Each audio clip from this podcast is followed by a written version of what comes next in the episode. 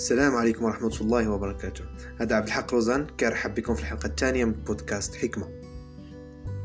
في هذه الحلقة غادي نحاولوا نتعرفوا على الإطار العام اللي كترتكز عليه الحكمة كتاج للعقل البشري وهي القوانين الكونية.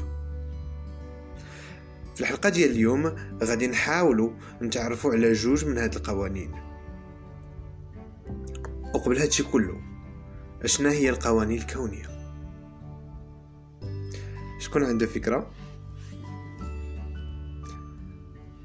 غادي تسمحوا لي نتقدم لكم بواحد التعريف بسيط لما يعنيه القانون الكوني. القانون الكوني هو بكل بساطة قاعدة.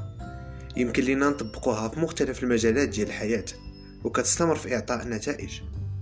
واللي ممكن ببساطة نقول لها قاعدة عامة.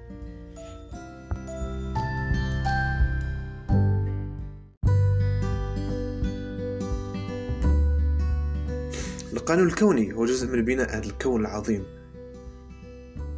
اللي كيختص به الله عز وجل بالقدرة ديالو وبالشمول ديال العلم ديالو. وفي هذه الحلقة غادي نتعرفوا على جوج من أهم القوانين الكونية واللي عندها واقع كبير في حياتنا. كنتمنى تستمتعوا معنا بالحق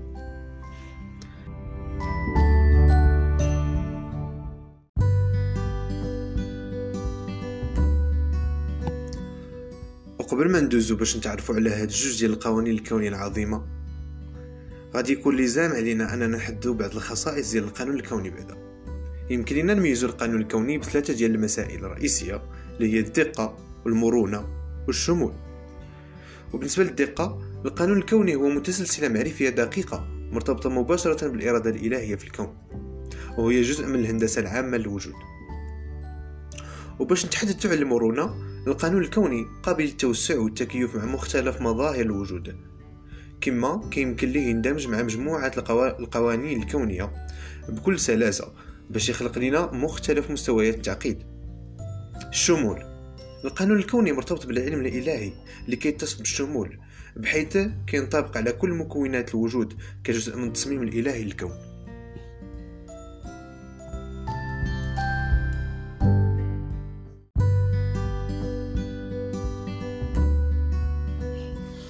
وباش نتعرفوا على القانون الكوني الأول ديالنا في هذه الحلقة هذه غادي نقص عليكم واحد القصة زوينة بزاف. اللي وقعت بين سيدنا موسى وسيدنا الخضر اللي كاينة في القرآن الكريم في سورة الكهف. توجه سيدنا موسى في رحلة طويلة باش يتعرف على أكثر أهل الأرض علما وياخذ عليه. فلما لقاه بامارات الحوت المذكورة في القرآن قال له أنا بغيت نبقى معاك واحد شوية باش نتعلم من العلم اللي عطاك الله. وسيدنا الخضر قال له راه ما غاديش تقدر تصبر ولدي. وهو يرد عليه سيدنا موسى.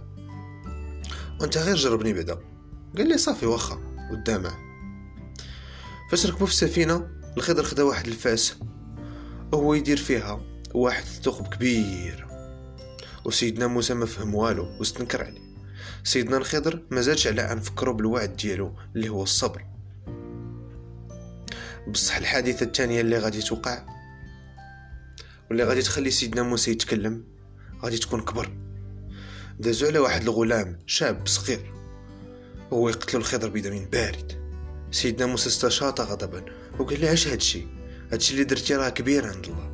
وسيدنا الخضر عاود فكرو بالوعد ديالو اللي هو الصبر. وحافظ على هدوء الأعصاب ديالو. المهم استمرت الرحلة ما أراد الله. حتى غادي يدوزو على واحد القبيله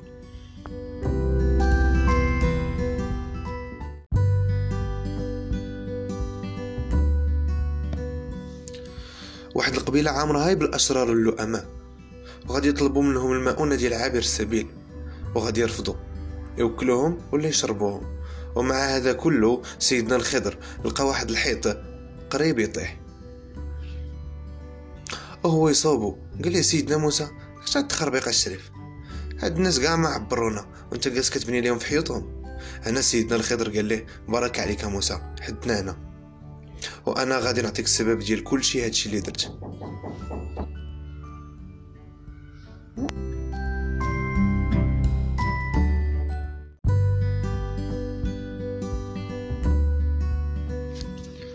بالنسبة للسفينة نطق بتحيت كان وراه واحد الملك تينهب المراكب البحرية السليمة كلها.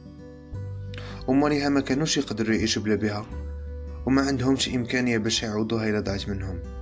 بينما هذيك الثقبة الصغيرة غادي تخلي الملك ما ياخدش السفينة وماليها دغيا يقدروا يصوبوها ويخدموا بها عاوتاني. وبالنسبة للغولام كان شديد الشر والضياع. بواحد الشكل اللي كتنعدم مع القدرة على التحمل وكان كيتكرفس على والديه بزاف. وهنا أذن الله بأن هذا الغلام يموت. باش يرفع العذاب ديالو على والديه ويعوضهم خير منه. وبالنسبة للحائط راه كان الواحد الصالح من عباد الله. هاد الصالح هذا خبى تحت منه الرزق ديال ولادو الأيتام من بعد منه. وإلى طاح السور أش كتوقع غادي يديروا هاد الناس هادو؟ حتى المسافر ما شافوش من حاله. أكيد غادي يعرفوا على دوك الوليدات. داكشي علاش متنت هاد الحائط هذا باش ما يطيح إلا بإرادة هاد الأيتام وبالقدرة ديالهم. حيث القدرة ديالهم على إسقاط الحائط تتعني بالضرورة القدرة ديالهم على حماية المال والانتفاع به. والسلام. بقى سيدنا موسى حال فمه. ومبقاش كيقول للناس لا يوجد على ظهر الأرض أعلم مني وعرف أن الله سبحانه قادر على كل شيء.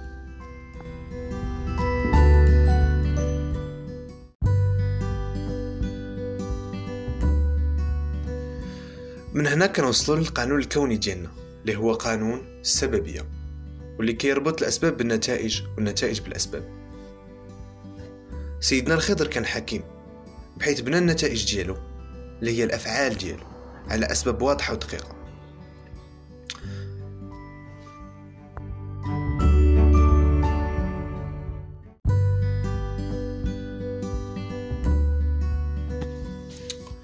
في الهندسة ديال الكون كل نتيجة عندها متسلسلة ديال الأسباب ويقدر يكون عندها أكثر من متسلسلة.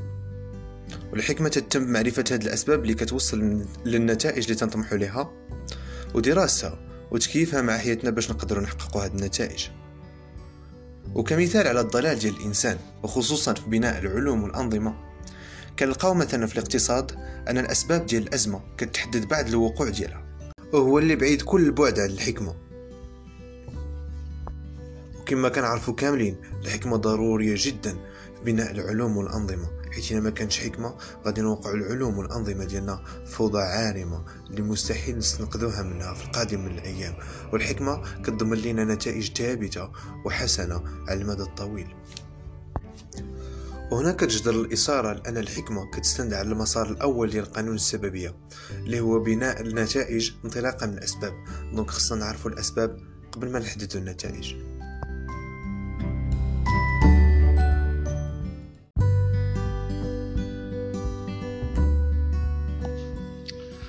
قانون السببية هو قانون مركزي من قوانين الكون العظيم اللي من خلاله كتتاح للإنسان بزاف ديال الإمكانيات واللي منها على سبيل الحصر للتعميم التعلم. فبترتيب الأحداث اللي وقعت في حياتنا بشكل صحيح كنقدروا نتعلموا الأسباب اللي أدت للنتائج اللي كنعيشوها. ومن هنا كنعرفوا أن التغيير في هذه الأسباب يقدر يؤدي لنتائج مختلفة وهذا هو التعلم بناء على التجارب ولا التعلم من الأخطاء وهو ماشي من أوجه الحكمة. ولكن كيظل له كبير الأثر في تحسن الأوضاع البشرية.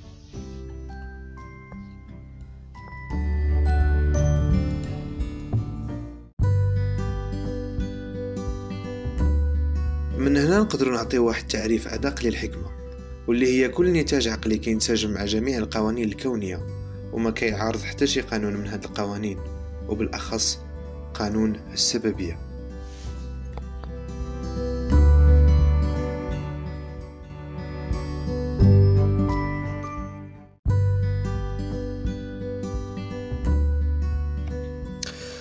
ودابا غادي ندوزو للقانون الثاني ديالنا في هذه الحلقة. من طبيعة الإنسان أنه كائن اجتماعي مرتبط ارتباط وثيق بالجماعة ديالو. ومن قواعد الله في الكون ديك القوة اللي كتحافظ على هذه الجماعة واللي من خلالها جعل الله عز وجل حاجة الناس في الناس وسخر ناس لخدمة ناس. هذا راه ما فيه شي إهانة للكائن البشري بل هو سبب من أسباب الوجود ديالو. هنا كيبان القانون الثاني ديالنا اللي هو قانون السخرية. البشر ما يمكن لهم يجتمعوا غير على الأمور اللي متفقين عليها وهي الأمور الفطرية بحالهم بحال الحيوانات فهدي وهنا إلا بقات سلطة اتخاذ القرار بيد الجماعة كاملة غادي يكون المجتمع بدائي ولا يرقى إلى مستوى العقل اللي كرم به الله الإنسان. الا الا كان هناك واحد الأمير اللي تيتاخذ ب... اللي تياخذ بعين الاعتبار الآراء والحاجيات ديال جميع أفراد المجتمع وتشتغل على بناء قرارات تتخدم المصلحة العامة من منطلق المسؤولية. ولهذا الشيء الله خلقنا متفاوتين في القدرات والمدارك ديالنا باش يجعل قانون السخرية شيء غريزي فينا بحيث ما يمكنش تلقى جماعة بلا قائد ولا دولة بلا حاكم حيث بكل بساطة كل ميسر لما خلق له. والاختلاف الجيني اللي كاين بين البشر ما هو موجود غير المحافظة على قيام هذا القانون اللي هو جزء من الهندسة العامة للوجود.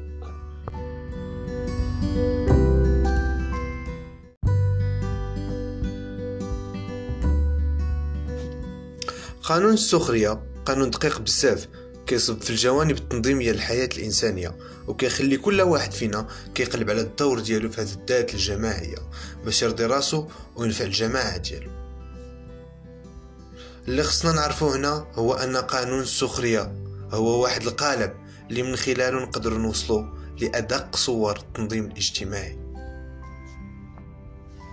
وهذا ما غادي يتم إلا بالاشتغال عليه وتنمية القدرة ديالنا على الفهم ديالو والتجاوب معاه كقانون كوني دقيق بزاف ومتصل بالإرادة الإلهية مباشرة.